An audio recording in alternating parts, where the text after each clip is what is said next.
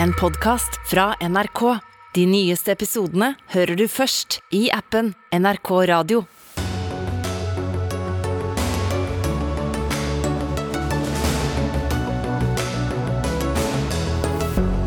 Nå åpner også regjeringas støtteparti SV for å utsette å elektrifisere norsk eh, sokkel, slik eh, bl.a. Senterpartiet har tatt til orde for. Og hvor lenge vil da Arbeiderpartiet holde igjen? Norsk finanstopp mener færre kunne vært uføre i Norge, og mener tallene er høye. Men er det egentlig noen som vil være ufør, da? Kreftforeninga vil ha røykeforbud på festivaler. Det er helt feil vei å gå, mener Venstre. Og partiet Rødt frykter det er de store partiene som vil vinne på det dersom vi tillater politisk reklame. Men Ytringsfrihetskommisjonen mener forbudet er gammeldags. Ja, noen kaller det demokratiets eh, dansegulv, andre mener vi vasser rundt i norsk navlelo. Dagsnytt 18 er uansett på plass her i Arendal. Med Sigrid Solund og Espen Aas. Og vi begynner med en eh, føljetong, for i dag valgte Stortingets presidentskap å hasteinnkalle de folkevalgte en måned tidligere enn planlagt pga. den pågående strømkrisa. Mens vi har kraftkrise og rekorddyr strøm i Norge, er regjeringens plan fortsatt å elektrifisere norske oljeplattformer med strøm fra land. En plan som er politisk omstridt. Regjeringas støtteparti eh, SV eller jeg er kanskje ikke helt enig i at de er et støtteparti, men eh, det blir nå ofte sånn likevel.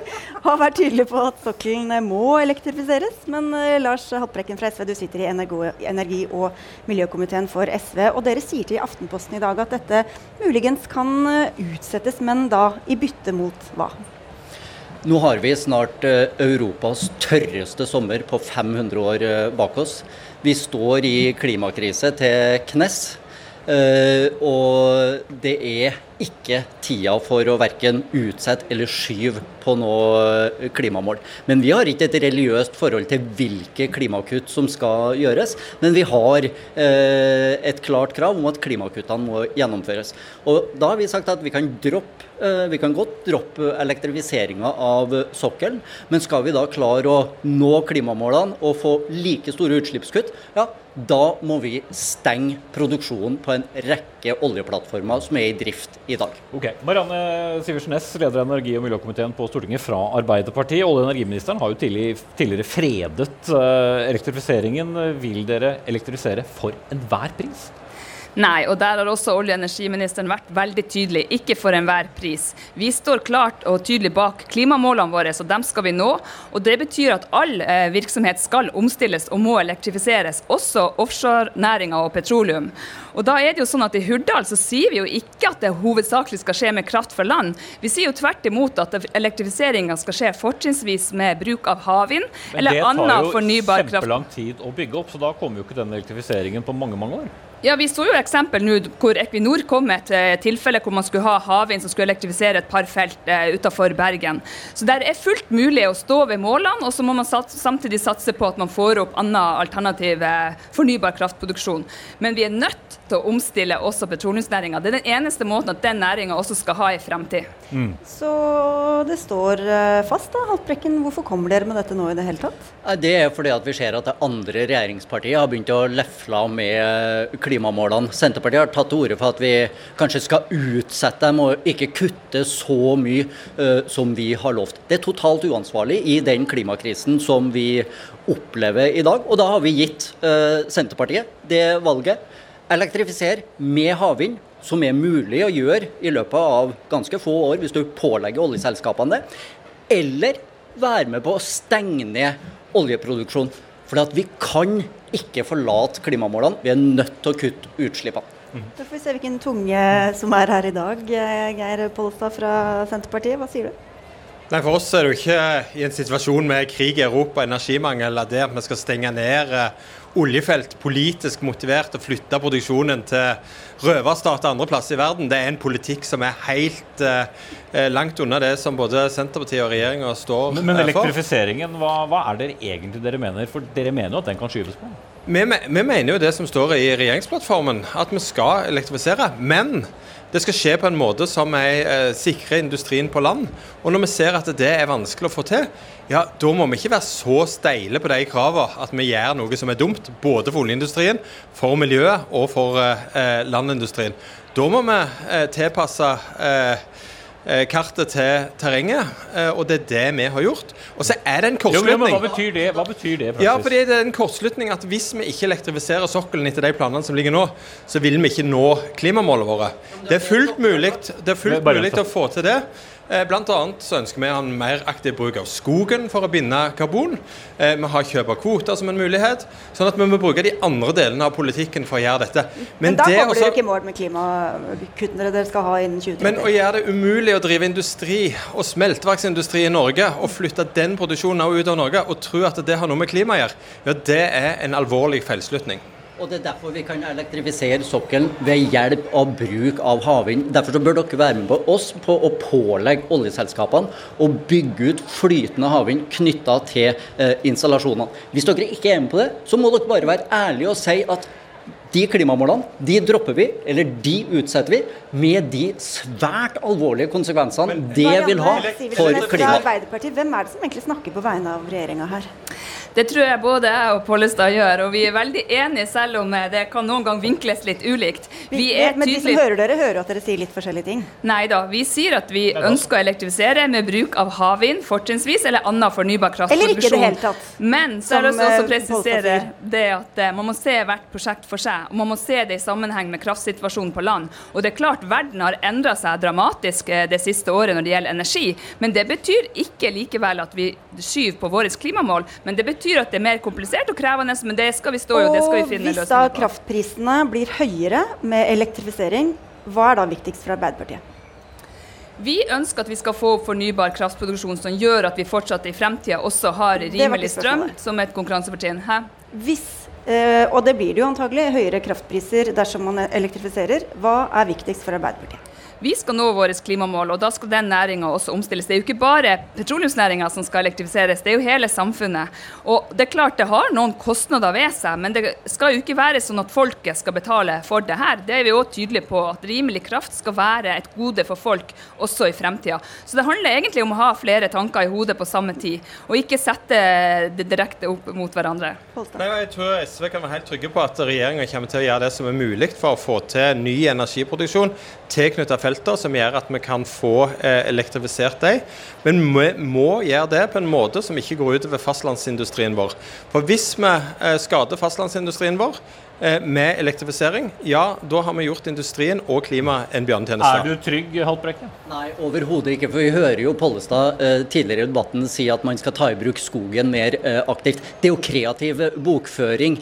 Eh, vi blir jo ikke kvitt klimakrisen sjøl om vi i regnskapet tar inn den CO2-en som i dag tas opp uh, av uh, skogen. Du uh, gjør ikke noe for å kutte utslippene med det. Men Så jeg frykter Du kan kjøpe kvoter, du kan gjøre det på den måten. Du kan gjøre det, men det du da gjør, er å sikre at norsk industri taper terreng. For da er det andre land som vil utvikle den nye teknologien og nullutslippsløsningene. Og det vil være til stor skade for norsk industri på sikt. Og eh, jeg er jo litt overraska over at Nei til EU-partiet eh, Senterpartiet i så stor grad lener seg på EU og kjøp av kvoter derfra, okay. i stedet for å utvikle norsk industri og sikre at vi også får en nullutslippsindustri. Pollestad, ja, men bare, eh, hvis du skal snart få forlate oss, holdt jeg på å si. Men, men før du går, altså, du sier at du viser til skogen når vi spør om oljeindustrien. Så vet vi at alle sektorer må jo kutte. Eh, hvis man ikke elektrifiserer, hvordan skal oljeindustrien få sine utslipp ned da? Nei, altså, eh, Utslippene for oljeindustrien må ned. Men uh, vårt poeng er at det kan ikke gjøres, men vårt poeng er at det kan ikke gjøres på en måte som skader den øvrige industrien men Hvordan skal det skje? Det, det skjer, eh, vil skje i noen tilfeller ved elektrifisering. Det vil skje ved utbygging av havvind. Og så har vi andre virkemidler innenfor klimapolitikken. Enten det er skogen, kjøp av kvoter, utslipp fra øvrig industri og utslipp fra transport. Ja, men nå snakker vi om denne sektoren. Jo, men eh, det sier jeg at vi kommer til. Eh, og altså Regjeringsplattformen sier at vi skal elektrifisere, men det er et veldig klart forbehold at det ikke skal ramme industrien på land.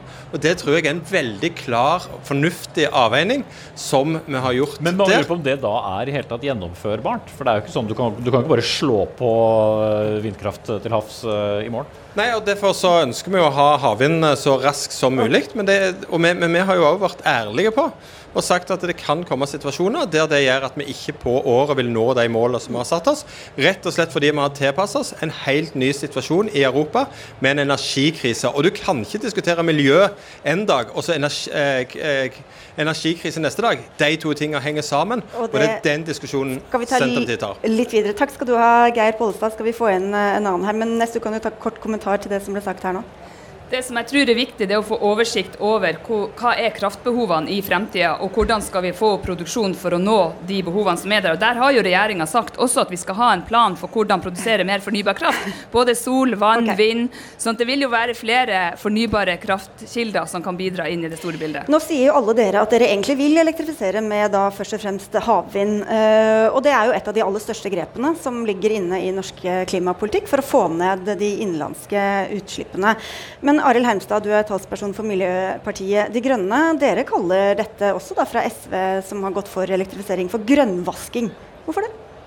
Altså Først vil jeg bare si at eh, SV gjør et helt riktig grep med å både foreslå å stenge ned eh, noen av oljeplattformene, og vi skal være oppmerksom på at de gamle feltene har et enormt høyt energiforbruk. Sånn at eh, det kreves veldig mye kraft uten at du får opp veldig mye mer fra disse brønnene. Samtidig som du å åpne nye områder eh, hvor det bor andre arter, f.eks. altså jeg, jeg skjønner at SV ikke får gjennom all sin primærpolitikk, eh, og, men jeg syns også det er bra at de går for å utsette, utsette rett og slett elektrifisering. fordi at kraft fra land-elektrifisering av oljeplattformene, det betyr at vi forlenger levetiden.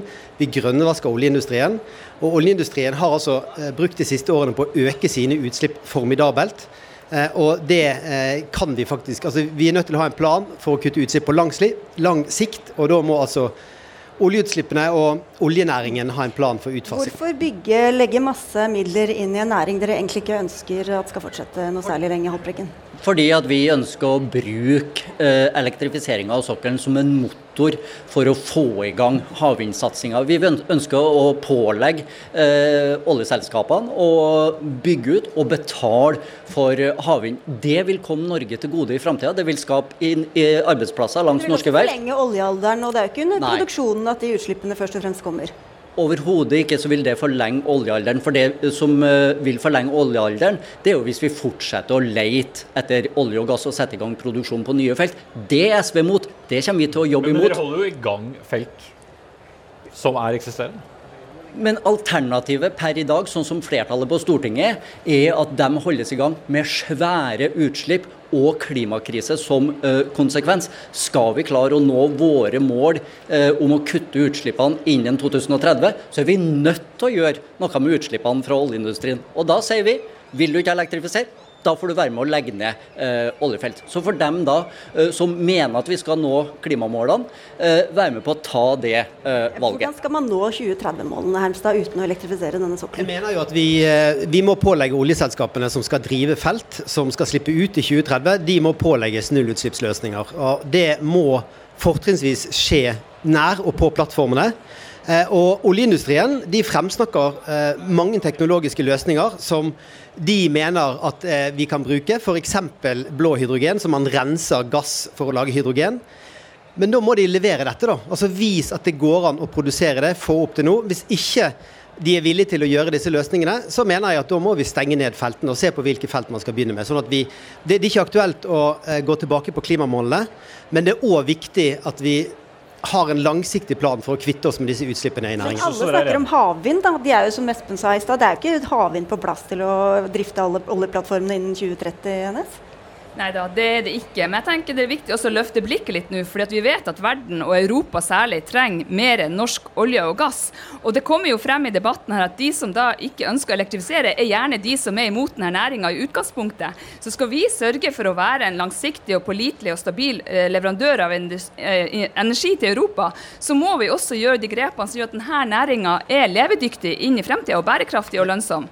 Og da er elektrifisering en del av løsninga, men skal ikke gå på bekostning av landindustri og annen aktivitet. Men det er helt feil uh, å tro at det ikke er mulig uh, å kutte utslippene offshore med flytende havvind før 2030. Det finnes planer allerede i dag om flytende møller tilknytta uh, de enkelte plattformene som vil kutte utslipp fra 2025, 2026. Okay. Equinor har også lagt fram planer som vil kunne gi store utslippskutt uh, framover. Men da må noen ville det. Lars Haltbrekken fra SV, Arild Heimstad fra MDG og Marianne Sivertsen Næss fra Arbeiderpartiet. Takk skal dere ha, alle tre. Bak her vi står nå i Arendal, var det et syn som skapte en del oppsikt eh, i går? Ja, det var lett å se. Der samlet 60 kvinner seg på Bryggen, ikledd svarte og hvitstripede overdeler som skulle symbolisere fangedrakter. Med protestplakater i hendene så gikk det frem og tilbake mellom de politiske bodene, og det med politiet hakk i hæl. De elleve norske kvinneorganisasjonene som sto bak, ville presentere en ny rapport her på hovedprogrammet i eh, Arendal, men fikk nei. Og toget fikk dere vel heller egentlig ikke lov til å gå i, Gro Lindstad. Du er daglig leder for Fokus, Forum for kvinner og utviklingsspørsmål. Hvordan føler du at dere blir omfavnet eller mottatt av Arendalsuka? Jeg har lyst til å begynne med å si at det vi gjorde i går, var eh, en historisk markering og lansering. For eh, første gang i norsk historie så har da over 1,5 million norske kvinner vært representert i et historisk samarbeid hvor vi ser utenfor oss selv og ut på det globale og roper et SOS for kvinners rettigheter. Og hvor vi lanserte denne rapporten. Så er det sånn at jeg står ikke her og er verken sur eller indignert, men, men, det er på sin plass å stille noen spørsmål. Vi eh, sendte en henvendelse til Arendalsuka i eh, tidlig mai og eh, mente at dette var en tematikk som burde inn på hovedprogrammet. Og da fikk vi eh, i løpet av to-tre timer beskjed om at eh, nei, det programmet var satt 29.11. året før, altså i 2021. Så vi kunne godt søke om å ha med noe til neste år. Så er det også sånn at det var 50 år i år siden første 8. mars-toget i Norge. Den gangen var kvinnebevegelsen splitta. Nå var vi samla, så vi ønska på en verdig måte å ha en markering gjennom pollen. Okay. Eh, Harald Stanghelle, leder av hovedprogramkomiteen i Arendalsuka. Var ikke kvinnesak noe man kunne løfte høyere opp? Eh, jau, og for det første må jeg få lov til å si at eh, jeg syns det er fint at eh, Gro Lindstad tar et initiativ til en debatt om dette. Den tar jeg gjerne. Så er det nok ikke sånn at vi setter programmet den 29.11. Eh, det ser alle som leser programmet, at det er mye mer aktuelt. Eller bare svarer det til de som spør? Men vi har, nei, vi har en dato for når det ulike Organisasjons-Norge kan spille inn ulike ting. Og så er det heldigvis heller ikke sånn at vi ikke tar et globalt utsyn på kvinners rettigheter. I går snakka utenriksminister Huitfeldt om eh, feministisk utenrikspolitikk. I morgen kommer Norges fremste forkjemper for kvinners internasjonale rettigheter, nemlig Gro Harlem Brundtland. Og på torsdag skal vi snakke om Roe versus Wade i en USA-sesjon. Det kunne ha vært mer, men det er heldigvis ikke så svart som, som eh, Gro Lindstad Grimstad mener det. Og alt får jo ikke plass inn i dette hovedprogrammet. Det er en veldig liten brøkdel av, av, alt som skjer her som hører til der, Lindstad. Med, hvorfor er det bare deres feminisme og kvinnesaker som teller, da? Jeg skjønner, og vi skjønner alle sammen, at alt ikke får plass hvert år.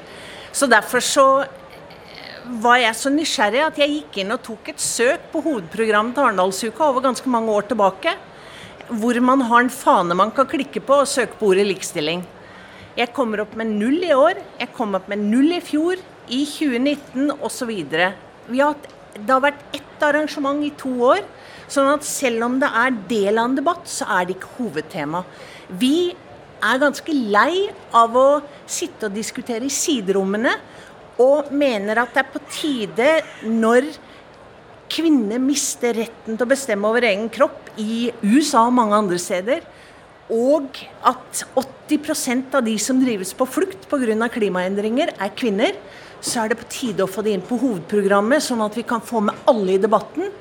Selv om vi hadde stinn brakke i går. Stangele.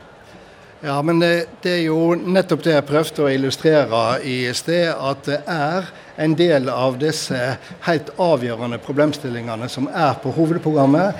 Ikke nødvendigvis i samarbeid med dere, men det er der. Og Hvis du kommer Høyre gående Brundtland i morgen, så tror jeg du vil bli relativt fornøyd med at hun ikke har eh, mista motet i den kampen. Og Kommer du på torsdag og hører om USA-debatten, så skal jeg love deg, for jeg skal være debattleder, at Roe versus Wade vil bli okay, et av vi- utgangspunktene for Den dette. Jeg skulle bare spørre Lise, Hvorfor gjorde dere ikke litt bedre research da, og fant ut at fristen var et litt annet tidspunkt enn det dere Hvorfor vi ikke gjorde bedre research på På når dere måtte melde inn interesse til hovedprogrammet? Jo, men den, den, den påmeldingsfristen som vi da fikk beskjed om når vi spurte i mai også, den gikk 29.11. i fjor. Og så er det sånn at Men da var dere for seint ute. Jo, men poenget er at må, altså det som står i Arendalsuka sitt program eh, og på sidene, det er at målet for hovedprogrammet er å løfte opp de viktigste og mest aktuelle temaene i vårt politiske samfunn, og det skal være en demokratisk møteplass. Og så er det sånn at det er ikke sikkert at de politiske debattene som er aktuelle, settes i november i fjor. Dette var noe som skjedde nå. World Economic Forum kom med en rapport nå i sommer som sier at hvis vi fortsetter på samme måten som vi gjør nå, så vil vi oppnå likestilling globalt om 132 år, og vi har ikke tid til å vente. Ok. Eh, Stangele, det er jo flere som har kritisert sammensetning av mange paneler. Senest da så jeg noen påpekte at nok en gang var det et eh, panel bestående bare av eh, det man gjerne kaller for middelaldrende menn. Ja, og Akkurat det har vi jobba med. I fjor fikk vi kritikk fordi at det var for få med minoritetsbakgrunn. Det jobber vi med, og der har vi eh, forbedret oss kraftig til i år. Eh, det finnes definitivt eh, panel her som har for mange middelaldrende menn, men det er ikke gjennomgående. Men hele tida, eh, dette er jo en del av den utviklinga av Arendalsuka som vi i hovedprogramkomiteen eh, jobber med. Det er jo nettopp å forbedre og da trenger vi den kritikken som kommer, også fra Gro Lindstad. Men å måtte få kritikk i 2022 for å tenke på en jevn kjønnsbalanse, det er ikke så fremoverlent? Nei, det er det ikke. Det er Overhodet ikke. Men det som er ålreit da, Harald Stanghelle, det er at når vi ikke fikk plass på hovedprogrammet i år, og når du sier at dette er del av Altså at dere har likestilling som del av debatter, så tenker jeg det at eh, da kan jo du og jeg bli enige her om nå om at neste år så samarbeider vi. Det var Og så har vi en eh, debatt på det hoved- Det er det jeg skal gjøre. vet du. Og så hvert tar vi og gjør dette her som, som en del av hovedprogrammet. Hvor faktisk ikke likestilling er bare en bit av noe annet, men hovedpoenget inn. Jeg håper du tror meg, eh, Gro Linstad, når jeg sier at akkurat nå så har jeg huet mitt så stappfullt av det som skjer her denne uka, at eh, det er litt vanskelig å legge eh, bunnplanken for neste års program, selv om vi akkurat nå står på ei scene på sjøen. Jeg kommer tilbake før 29. november. Ok, nå tror jeg vi får eh, vise dere veien eh, ut. eh, Gro Lindstad, dagleder Fokus, og Harald Stanghelle, som kom fra programkomiteen her. Takk skal dere ha.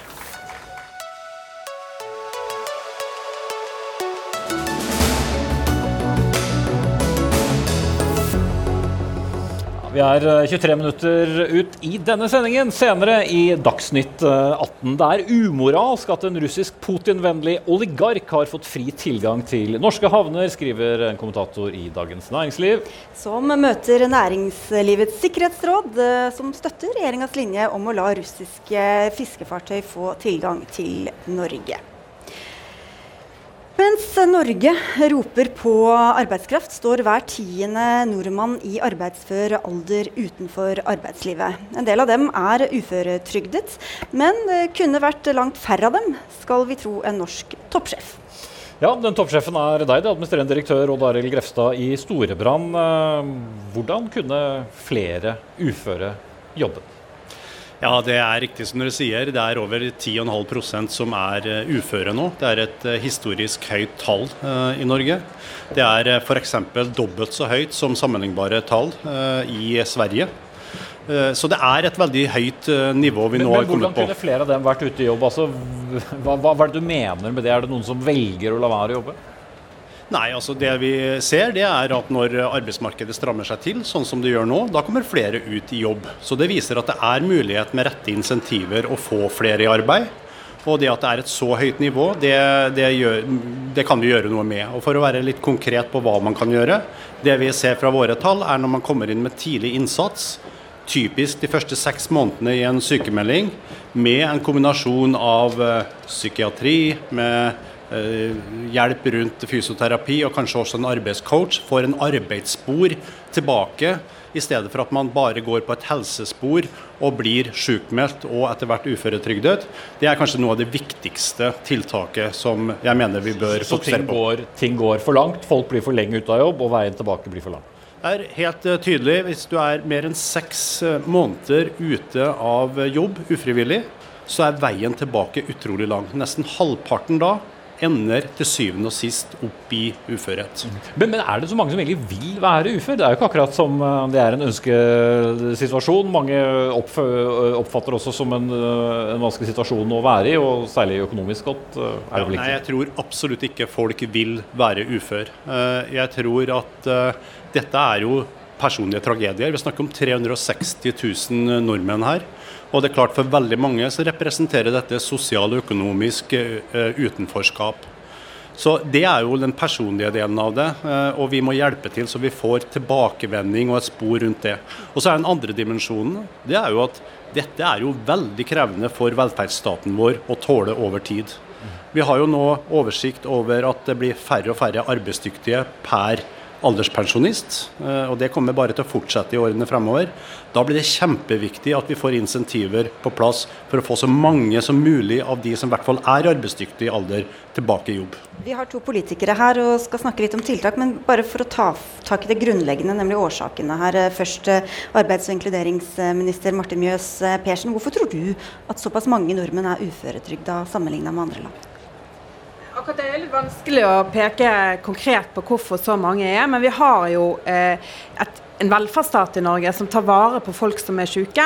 Og Det er jo ikke alle landene som vi sammenligner med oss som har tilsvarende ordninger, der flere eh, rett og slett havner utenfor eh, uten at de har en inntektssikring.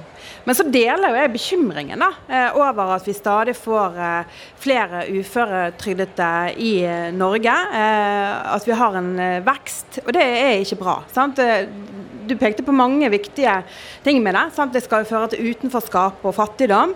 Og det fører til at vi har færre mennesker som kan bidra til produktivitet og, og vekst i, i Norge. Men, men, det som jeg har lyst til å si, da, det er jo det at det skjer jo også noen positive ting. Eh, de, I fjor så kom det flere enn siden man begynte å føre statistikk, inn i arbeid. 30 000 flere. Det er et positivt eh, trend. Og så vet vi jo også en del om hva som skal til. Du nevnte noe av det. Du nevnte det med tidlig innsats, men jeg har òg lyst til å peke på det med individuell oppfølging. Mm. Men, som er svært viktig. stykkevis og delt, for eh, Vi har også Henrik Asheim, stortingsrepresentant fra, fra Høyre her. Hvorfor tror du at vi har eh, så mange utenfor arbeidslivet i Norge? Nei, Det tror jeg nettopp skyldes flere ting. Vi vet for det første at uh, nå blir det færre uføre som er eldre, og så blir det flere som er unge. Det kan jo høres utgangspunktet veldig illevarslende ut, men det skyldes også, sier Nav, at uh, flere av de som tidligere, fordi vi ikke hadde den samme medisinske fremskrittene, døde da de var unge, nå kan leve lenger, og dermed er de uføretrygdet. Men det er jo en god nyhet. Men det andre er helt riktig. Det er slik at Hvis man er sykmeldt lenge, så vet vi at jo lenger du er borte, jo lenger unna arbeidslivet kommer du, og mange faller ut. Vi vet at rus og psykisk helse er veldig viktig for at man eh, til slutt ikke kommer tilbake i arbeidslivet. og Derfor må man ha tiltak på det og fange dem opp tidlig. Og så vet vi nettopp det at de som faller ut av videregående skole, som ikke består, som kanskje da setter seg i kjellerstua hjemme istedenfor å gjøre andre ting, de blir skjøvet lenger og lenger ut av arbeidslivet og ender opp på uføretrygd. Så det er veldig mye å gjøre her. Men betyr, altså, Noen blir jo uføretrygdet uten å ønske å bli det i det hele tatt, mens andre, for andre er det en lettelse når, den, eh, når det vedtaket kommer. Mm. Er det gitt at dette tallet er for høyt? Nei, det er det faktisk ikke. fordi jeg tror det er summen av ulike ytelser som folk er ute på, som er mer bekymringsverdig. Altså Om du er på den ene eller andre ordningen, er ikke så viktig, mener jeg. Det er viktig for dem som er der, selvfølgelig. Men, men tallet på at det er 600 000 mennesker som står utenfor arbeid og utdanning i arbeidsfør alder, er jo mye mer bekymringsverdig enn akkurat tallet på uføretrygd. For det har også litt med at noen endring, ordninger endres, f.eks., så flere blir uføretrygdet fordi de har ventet på å bli avklart. Men det er jo ikke et nytt fenomen heller, eh, Persen. Man har jo snakket om at det er en veldig høy andel utenfor uh, arbeidslivet i Norge. Uansett, hvorfor er det så vanskelig å gjøre noe med, eller handler det rett og slett om at disse menneskene ikke skal være en del av arbeidslivet? Nei, altså... Eh vi ønsker jo å ha flest mulig i arbeid. Og veldig mange av de som er uføretrygdet, helt eller delvis, de ønsker jo å jobbe. Eh, litt eller mer enn det de gjør. Eh, og Derfor er det et kjempestort potensial. Og så er det jo sånn at altså Fra Solberg-regjeringen tiltrådte til den gikk av, så doblet antall uføretrygdede seg. Det er sammensatte årsaker til. Nå går det litt ned. og Det handler jo om at det er mange ledige jobber også. Eh, at vi får flere inn i arbeid når arbeidsmarkedet er så godt som det er. Men det som jeg er i hvert fall opptatt av, da, det er jo at vi må gjøre det vi kan for å få flere til å fullføre utdanning, til å komme i jobb. Eh, og Derfor så mener jeg at noe av det viktigste vi gjør, det er å forbedre og utvikle ungdomsgarantien. Nettopp for å sørge for at unge får det vi vet virker, individuell oppfølging, og, og at vi klarer å få de raskt ut igjen. For Dess lengre de står utenfor arbeidslivet i utgangspunktet, dess større er sannsynligheten for at man blir varig utenfor arbeidslivet. Grefstad, du nevnte jo dette med at uh, tallene uh, varierer avhengig også av arbeidsmarkedet. Men kan det like gjerne bety at arbeidsgiverne er flinkere til å tilrettelegge for dem som ikke er fullt operative eller kan jobbe 100% når arbeidsmarkedet er, er sånn som det er nå? Altså, eh, jeg tror det store bildet det er at vi har en veldig høy arbeidsledighet, nei, en veldig stor uføreandel i Norge mot sammenlignbare land. Og Det har vi hatt over tid og den har vært økende. Så dette er et stort problem. Og så er det mange muligheter som gjør at det går litt opp og ned. Eh, vi så at ut fra pandemien så var det mange som har utenfor ganske lenge.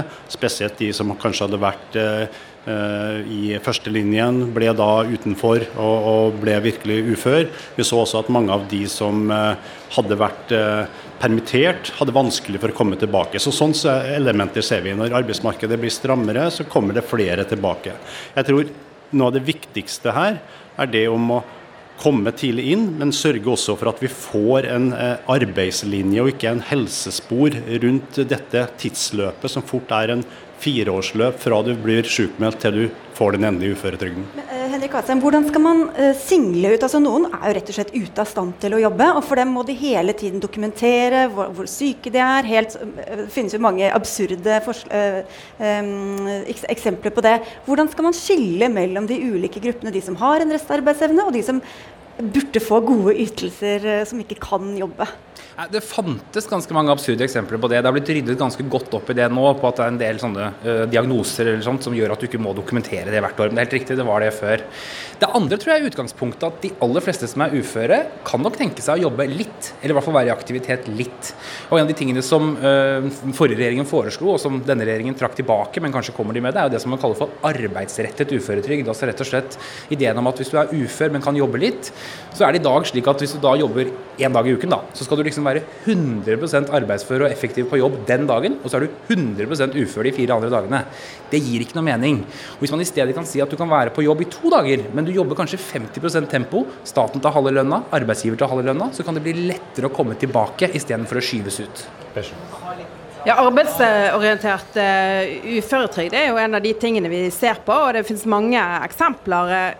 Den forrige regjeringen kunne jo også ha innført det, så det er jo noen problemstillinger også rundt dette. her. Men da er vi der vi er nå, da. Hva, nettopp, men er du enig i så Det er en av de tingene som, eh, som, vi ser på, nettopp for å få flere av de som kan jobbe litt, ut i arbeid. Uh, men jeg tror jo, Vi snakket litt om arbeidsgiverne her, og jeg har lyst til å peke på det, da, for jeg møter mange arbeidsgivere der ute som nå uh, har et veldig behov for arbeidskraft, og som nettopp ser seg om etter den store arbeidskraftreserven som er i alle de menneskene som står utenfor arbeidslivet. Og det er mange som er flinke og tilrettelegger. Og det er et godt samarbeid mellom Nav og eh, arbeidsgivere mange steder. I går besøkte jeg sportsklubben Brann, som samarbeider med Nav for å få ungdom ut i arbeid. Forrige uke var jeg og besøkte en, en i bilbransjen som gjør akkurat det samme. Nav er helt konkret inne og veileder for å uh, få disse ungdommene i, i, arbeid. Og Det fungerer, og det er det jeg tenker vi må gjøre mer av.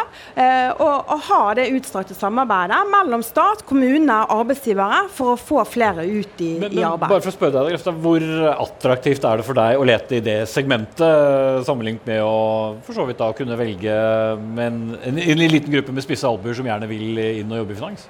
Nei, men jeg er helt enig i at her har arbeidsgiver et stort ansvar. Eh, vi har eh, gjort for lite historisk, det gjøres mye mer nå. Eh, og vi i Storbrann har f.eks. tatt inn arbeidstakere nå med hull i CV-en. Og ser at omskolerte personer som har vært ute, kan absolutt bidra godt. Og så må det være løsninger som gjør at det er attraktivt både for arbeidstaker og arbeidsgiver. Vi snakker jo om en påkjøringsfil. Og det er tror det vi trenger inn i arbeidslivet. For det arbeidslivet på mange måter, det går i hundrede. Og da må vi ha på en måte noen påkjøringsfiler der vi kan kjøre litt parallelt. Bruke vår restarbeidsevne. Det er nesten 90 av de uføre i dag det er 100% uføre. Og det er sløsing med ressurser både for den enkelte og for samfunnet. Vi må sette strek der. Odd Arild Glefstad, administrerende direktør i Storebrand. Henrik Asheim, stortingsrepresentant fra Høyre. Og Martin Mjøs Persen, arbeids- og inkluderingsminister fra Arbeiderpartiet. De russiske fiskefartøyene i norske havner eh, skaper stadig debatt. Forrige uke hørte vi at partiene Venstre, MDG og KrF utfordret fiskeriministeren til å stenge norske havner for den russiske fiskeriflåten. Men regjeringen står fortsatt eh, på sitt med det særnorske unntaket for fiskefangst. Eh, noe du problematiserer i en kommentar i egen avis i dag, eh, Eva Grinde, kommentator i Dagens Næringsliv, og viser bl.a. til en Putin-vennlig fiskeoligark med, med, fri tilgang til, til norske havner. Er det så svart-hvitt? Eh, om det er så svart-hvitt? Jeg eh, mener at uh, argumentene for å stenge er mye klarere og bedre enn argumentene for å fortsatt holde dem åpne. Altså Hovedargumentet til regjeringen og fiskeri- og havminister Bjørnar Skjæran det er at vi trenger å ha en bærekraftig forvaltning av fiskeriressursene i nord. og det, det, kan, det er på en måte en ting som alle kan være enig i. Men så er det veldig vanskelig å følge hvorfor vil et havneforbud gå utover Eh, over den fiskeriforvaltningen. og Det argumentet syns jeg er svakt. og Da begynner jeg å lure på om det heller er noen argumenter som ikke tåler dagens lys like godt, som går på at det handler om nordnorske arbeidsplasser. Og da ser det straks litt verre ut, fordi da blir det litt sånn at sanksjoner er fint, bare ikke vi blir rammet av dem. Skjæran har vært her og snakket om dette tidligere. Han er ikke her nå, men du er her, Odin Johannessen. Du er direktør i Næringslivets eh, sikkerhetsråd, og du støtter jo for så vidt eh, denne linja. Hvilke viktige prinsipper er det du mener står på spill her? Det kan hende noen ganger at virkeligheten er større enn de tiltakene som vi diskuterer her nå, f.eks. dette havneforbudet. Og det er nærliggende å tro at uh, i denne problemstillingen så ligger hele nordområdepolitikken vår uh, veldig utsatt til. Og Derfor tror vi at det er klokt å høre på myndighetene som sitter med det øverste ansvaret, og som også forhåpentligvis har den beste oversikten i denne saken. Folk er jo bekymra for spionasje bl.a. fra disse skipene. Hvorfor er ikke det mer bekymringsfullt eh, etter ditt syn? Hvis vi skal begynne å være bekymret for at eh, russiske, alle russiske fiskefartøyer spionerer, da har vi et stort problem. Det er mange fiskefartøyer som driver lovlig fiskeaktivitet. Noen gjør det ikke. NRK har dokumentert dette på en utmerket måte i en av sine artikler. Så vi må liksom legge annet enn bare flagget på fartøyet til grunn for mistanke, tenker vi. Grunde. Ja, nei, jeg, jeg, I bunnen her så er problemstillingen er jo det at Norge har fulgt uh, EUs sanksjoner. Uh, det gjør de ikke i dette tilfellet her. Her lager vi et unntak. Og da bør det være et, uh, et, et veldig godt argument for det, og det, det er det ikke. Og logikken bak sanksjoner, det er jo at man skal ramme eh, angrepsmakten økonomisk. Det ligger jo bak. Og hvis man begynner å lage unntak, jo flere unntak, jo jo mer svekket blir da sanksjonsvirkemiddelet. Uh, sånn at Derfor så, så syns jeg det bør uh, bedre argumenter til da, enn, det, enn det regjeringen har fremført. Og, og jeg har ikke hørt at de, uh, at de, peker på at dette er et sikkerhetsproblem heller, som jeg syns du antyder. At, at dette kan handle om vår sikkerhet, er det det du sier? Ja, altså vi har en veldig delikat situasjon med en krigførende makt i nordområdet. Og nordområdepolitikken vår har i mange områder ligget fast. Den inneholder et betydelig næringslivselement i dette. Eh, det gjelder forvaltningen på en av verdens rikeste fiskeressurser. Og vi tror igjen, for å si det sånn, at de myndighetene som er valgt av oss til å håndtere dette, er best i stand til å vurdere det. Og så er, må jeg få lov å si at det er ikke bare Norge som har unntak fra EUs sanksjonsregime. Det er også andre land som har unntak eh, for det. Eh, og det importeres fortsatt olje og gass eh, fra Russland til EU. Så ja, men, men Eva Grene, Norge er jo også et annerledes land ut fra både historikken og geografien. Så er det så rart at vi har en noe annen tilnærming enn et land på kontinentet? Nei, det, det, er ikke så rart. Uh, men jeg syns det er et litt svakt argument å si at vi er nødt til å stole på myndighetene fordi de har, et, uh, de har helhetlig informasjon. For det, det, hvis man trekker liksom den utover i uh, den logiske konsekvensen av det, så skal man jo aldri stille spørsmål ved noe myndighetene bestemmer seg for i det hele tatt. Så da blir det jo litt sånn, litt sånn bye bye demokrati også. Så, sånn at jeg, jeg synes det er en så viktig sak som, som dette, og vi har jo en det er helt riktig at vi har en helt spesiell eh, nordområdepolitikk, men vi har også en helt spesiell ny situasjon. Og da er det, da er det viktig at regjeringen greier å kommunisere bak, godt for de, de kontroversielle eh, avgjørelsene de tar. Men Johansen, Hvor mye spiller din omsorg for norsk næringsliv inn i at du har landet på denne beslutningen? da? Din omsorg for norsk næringsliv, hvor viktig er den for at du har landa på den, eh, den konklusjonen du har? Fordi at eh, tiltak må hele tiden ses i en større sammenheng. Og det kan godt hende at vi ved å gjennomføre dette tiltaket som regjeringen faktisk fortsatt står på, eh, bidrar på en bedre måte til å være en god alliert i Nato og til å være en solid støttespiller, ved at vi prøver å etablere stabilitet. Men også gir det inntekter til norske bedrifter? Ja, men inntekter til norske bedrifter bidrar jo til verdiskapningen, og det kan vi da ikke være mot hvis vi skal tro på morgendagen og at vi en gang kommer ut av denne krigen. Og, og også rike støttespillere av Russlands eh, president, som da kan fortsette å tjene penger pga. Eh, fritt leide i norske havner. Ja, men da må vi også være villige til å ta inn over oss og se på hvordan er det sanksjonene rammer. Og ikke bare tro at når vi har innført sanksjoner, så virker de slik vi tror og hadde tenkt at de skulle gjøre. Og det bildet er meget mer komplekst, og vi ser allerede nå konturene av at de som skulle rammes, nemlig Russland, de tjener mer. Og de som ikke skulle rammes, eh, nemlig europeisk næringsliv, de er de som betaler regningen for dette. Og skal vi holde unionen, eller gjengen, samlet mot Russland, så er det viktig at disse treffer med presisjon og med distinksjon og proporsjon. Og da er det jo mange, det mange hensyn som veies opp mot hverandre her, Grinde. Hvorfor skal dette ene, at vi skal ta avstand og ramme Russland, veie så mye tyngre enn eh, alle disse andre hensynene? Nei, men Det er vanskelig å få, få greie på hvor stor skade en sånn stenging av havnene faktisk ville innebære. Og, og øh, jeg mener at det er større skade å lage disse unntakene i sanksjonene enn det ville være å stenge dem. fordi det er ikke godtgjort at dette vil gå utover fiskerisamarbeidet på en god på en god måte. Foreløpig er vi hvor vi er. Eva Grinde, kommentator i Dagens Næringsliv, og Odin Johansen, direktør i Næringslivets sikkerhetsråd. Takk skal dere ha. Politisk reklame på TV bør bli tillatt. Det er ett av forslagene fra Ytringsfrihetskommisjonen, som la frem rapporten sin i går. De siste 20 årene så har det vært forbudt for politiske partier å reklamere for seg selv på eh, fjernsyn, samtidig som det har vært tillatt da på radio, i eh, aviser og sosiale medier.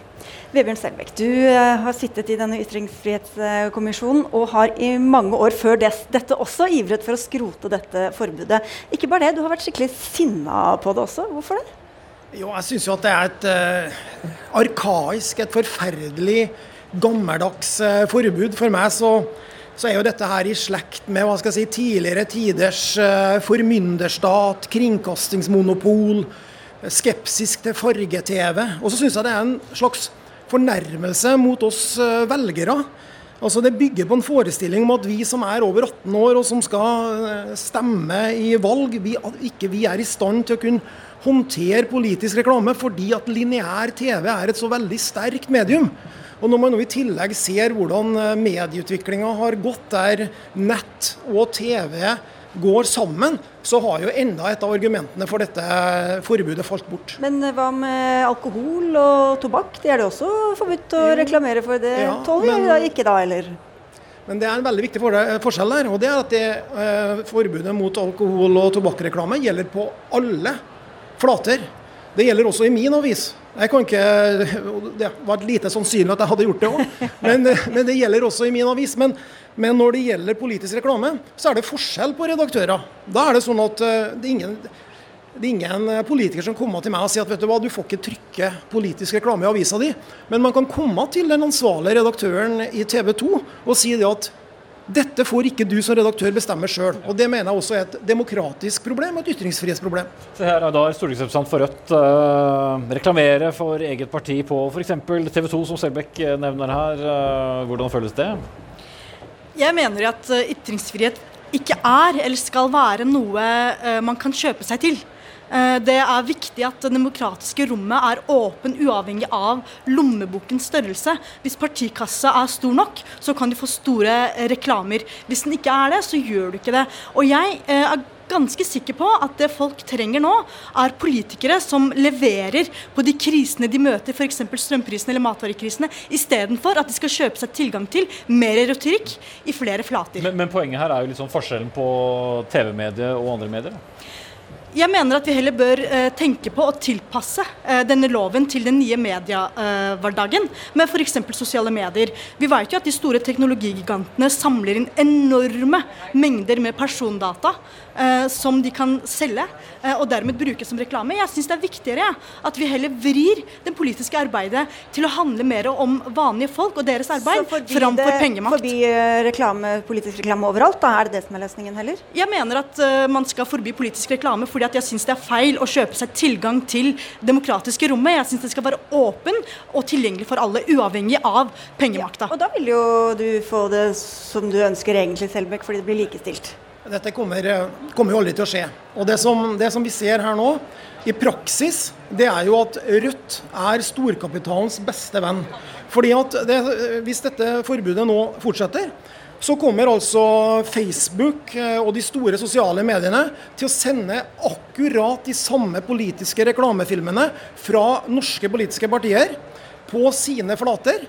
Og så går pengene inn i lomma til Mark Zuckerberg og andre big tech-milliardærer i Silicon Valley. Det er det som blir resultatet hvis Rødts politikk nå fortsetter. Da er det mye viktigere at også norske aktører som eh, ansetter norske journalister, driver journalistikk, også politisk journalistikk, som TV 2, også får tilgang til disse okay. inntektene. Hvordan i alle dager skal du klare å liksom styre big tech, eh, Seher Aydar? Jeg må jo bare først og fremst si at jeg håper at Selbekk lytter når jeg sier at jeg nettopp eh, mener at man skal tilpasse eh, lovverket til dagens medievirkelighet. Ja, men spørsmålet er jo hvordan det skal skje, da. Allerede så finnes det faktisk noen, noen, regler som politiske partier må forholde seg til når de reklamerer på Facebook. Og jeg mener det er viktig at man kan heller se på hvordan man kan begrense det, og sørge for å ha det så åpent som mulig, sånn at det ikke er de teknologiske gigantene eh, som eh, kan samle inn vår personlige data og selge det til politiske partier. Jeg tror det kan gjøre at vi nærmer oss litt mer amerikanske tilstander, der eh, politiske egentlig valgkamp handler om hvem som samler inn mest penger. Jeg vil heller at det skal handle om hvem som engasjerer flest folk.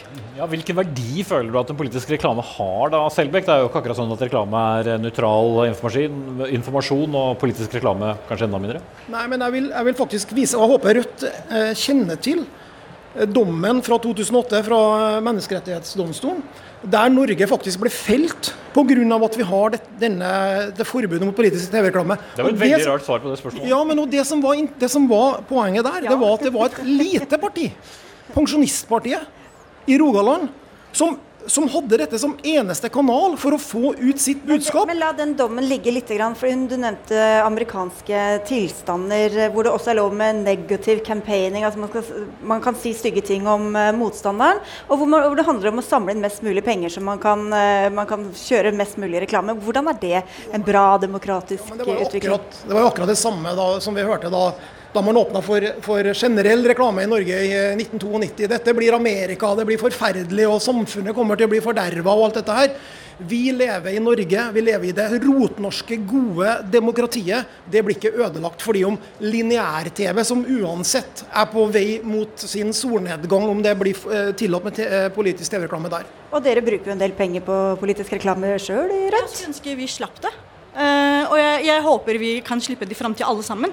For jeg mener at demokrati ikke skal uh, være basert på hvor stor partikassa er.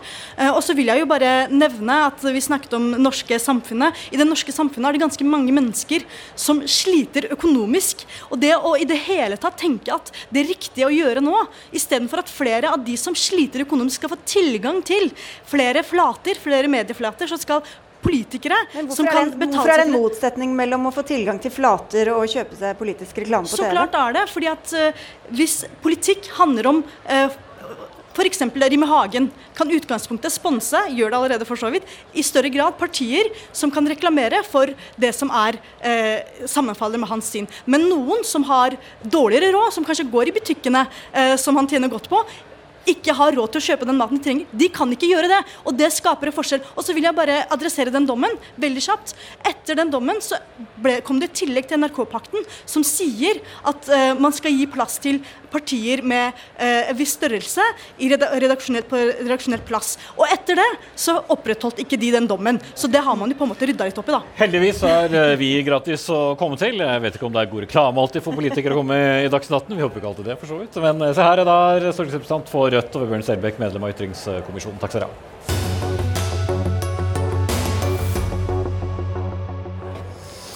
Denne sommeren var det omsider igjen mulig å stå tett i tett på festival, men det betød også at du sto så tett at du kunne godt inhalere sidemannens nyopptente sigarett. Du har vel fått erfare det sjøl her i Arendal, eh, Espen? Ja, jeg har prøvd å blåse i det. Men dere Beklager det. Eh, dere sier til Aftenposten at røyking på festivaler bør forbys. eh, Generalsekretær i Kreftforeningen Ingrid Stenstadvold eh, Ross. Hvorfor vil dere forby røyking også i friluft? Det kan ikke komme som så veldig stor overraskelse at Kreftforeningen ønsker seg flest mulig røykfrie områder i samfunnet. Og det er egentlig så enkelt som at hvis det er veldig få steder man møter røyken, da blir det lettere å slutte hvis man røyker. Og så er det sånn at barn og unge de får da ikke påminnet seg om at røyken er der, og da blir det også vanskeligere å begynne. Og det er akkurat det vi ønsker. Vi er Kreftforeningen. Vi ønsker at færrest mulig skal røyke, og at flest mulig skal slutte. Stortingsrepresentant for Venstre, Alfe Bjørlo. Du har ikke sansen for eh, dette forslaget. Hvorfor ikke? Altså, jeg har sans for at vi skal ha eh, kjempe mot, kampen mot eh, røyk, og at folk skal kunne ha et røykfritt eh, miljø i samfunnet. Men jeg tror at akkurat når det gjelder festivaler, så tror jeg vi skal se at da snakker vi virkelig om et mangfoldig område. Det kan være gode argument for røykfrie områder for festivaler, at noen festivaler sjøl kan bestemme at de skal være røykfrie. men jeg og Venstre mener det er for inngripende å si at vi skal ha et totalforbud over hele landet. Her tror jeg faktisk en skal bruke lokalt vett og skjønn. De fleste festivalarrangører vil ønske å strekke seg langt for å gjøre festivalen til en god oppleving for alle. Enten det er folk som ikke røyker, eller folk som er festrøykere. Så dette tror jeg vi røyser bedre med skjønn og sunt vett enn et nasjonalt forbud. Hvor stort helseproblem er det å bli blåst i fjeset x antall ganger mens du står på konsert? Altså Historisk sett så har passiv røyking vært et stort helseproblem. fordi vi har hatt Men ikke i friluft? Eh, Nei, fordi vi har hatt røyking på veldig mange områder. ikke sant? Vi røyket inne på restauranter osv. Men det er klart at jo mindre det røykes, jo mindre problem er passiv røyking. Så det er, det er helt riktig. Det er ubehagelig, syns mange. Men, eh, men, eh, og, og også noen opplever det som et helseproblem. F.eks. hvis du har astma eller kols, så kan du få en akutt forverring. Men nå er det festivalene dere griper til, og der kan man jo som regel bevege seg litt bort fra den uh, røykinga. Ja, nå kom dette forslaget i forbindelse med at uh, tobakksskadeloven skal opp igjen i Stortinget. og Det handler om egentlig flere røykfrie områder. Og det er egentlig ikke sånn at uh, de lokale festivalarrangørene kan bestemme selv. I 2019 så tok uh, Frank Nes, som er daglig leder i Bergen Live, han tok kontakt med Kreftforeningen.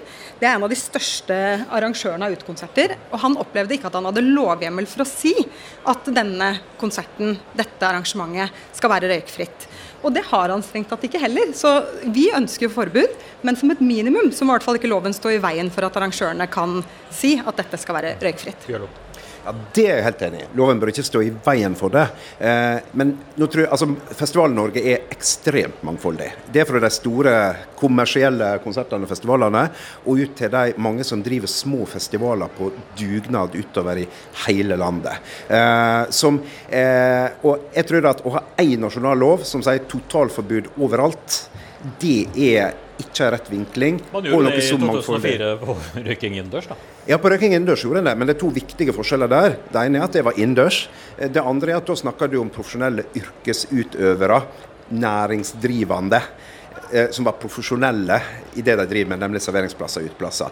Festival-Norge er i stor grad drevet av dugnad, av folk som jobber døgnet rundt frivillig for å ikke vil noe heller enn at alle som går der skal ha en god oppleving. Og jeg tror mange av de vil ønske å strekke seg langt for f.eks. å tilby røykfrie områder, men kanskje også på en del festivaler ønsker å gi et tilbud til de som festrøyker. Altså Det er forskjell på countryfestivalen på Vinstra og eh, Miniøya i Oslo, for å si det litt Men hvis eh, nabofestivalen tillater røyking, eh, hvor attraktivt er det da å selv si at her er det forbudt å røyke, og dermed miste alle de potensielle tilstrømmende publikum? Altså, for det første, det å ha et tilbud om røykfrie områder, men også et tilbud om områder der det er mulig å røyke, det er jo en løsning som kan forene flere hensyn og gjøre det mulig for, for flere festivaler å gjøre det.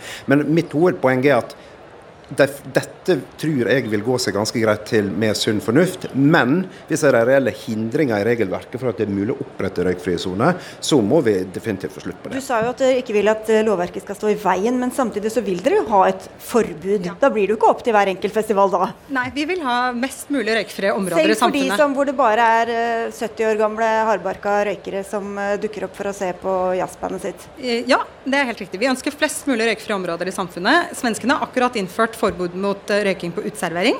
Det er også utendørs. Og det er rett og slett fordi at man skal gjøre det lettere for røykerne å slutte, og vanskeligere Jo, begynne. men det er ikke alle som vil slutte. De har kanskje røyka i 50 år, og de har blitt fordrevet fra plass til plass til plass. Og til slutt er det bare hjemme de kan sitte. Hvordan, hvor skal de ende opp hen, da? Vet du hva, Vi er veldig opptatt av å ta røyken og ikke røykerne. Jeg syns det er kjempeviktig at vi skal hjelpe røykerne med å slutte. Men det Kanskje er ikke de har motivasjon til å røyke? Da må de bare bli inne, da. Ja, men jeg tenker også at på en konsert så er det veldig mange som støtter eh, røykfrie områder. Syv av ti syns at vi skal ha røyk, flere Ja, men det er ikke det dere tar røykfrie til orde for. Dere tar til orde for et For et forbud. Absolutt, jeg syns det er det beste, men som et minimum som i hvert fall ikke loven står i veien for. At vi får eh, mulighet til å ha røykfrie områder, og at det kan lokalt bestemmes. Ja, Vi ryker snart på tiden her, men eh, Bjørlo? Eh, røykfrie områder, eh, det er det dere har spurt om. Det er folk positive til, og det mener jeg er en god idé. Og det tror jeg mange festivaler vil gjøre på en kjøl. Eh, og det tror vi vil se mye mye mer av framover. Men det er noe med at en festival skal være for alle. Folk er forskjellige. Festivaler har veldig ulik profil. Og jeg tror også at så lenge røyking ikke er totalforbudt i Norge, så skal det òg være mulig på en del festivaler. Men prioriterer du. Da den som vil eh, røyke, og nedprioriterer den som blir plaget av røyking? Jo, men altså, for det første, på de fleste festivaler går dette her seg veldig greit til.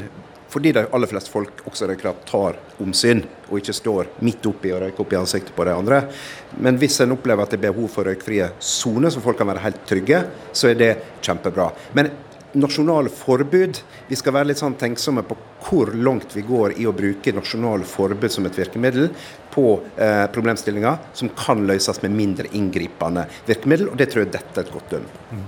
Og over tid til slutt, eh, Ross, så er det ikke sikkert dette blir så stort problem. Andelen røyker går jo nedover hele tiden. Ja, men én av fem ungdom sier at det har blitt kulere de siste årene å røyke. Og jeg er bekymret for at disse trendene kan endre seg igjen.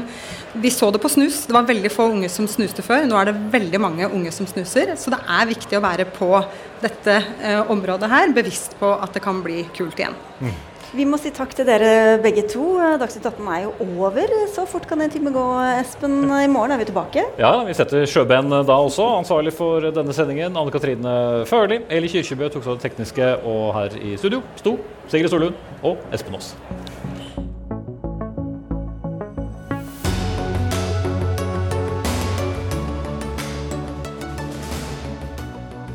Du har hørt en podkast fra NRK. De nyeste episodene hører du først i appen NRK Radio.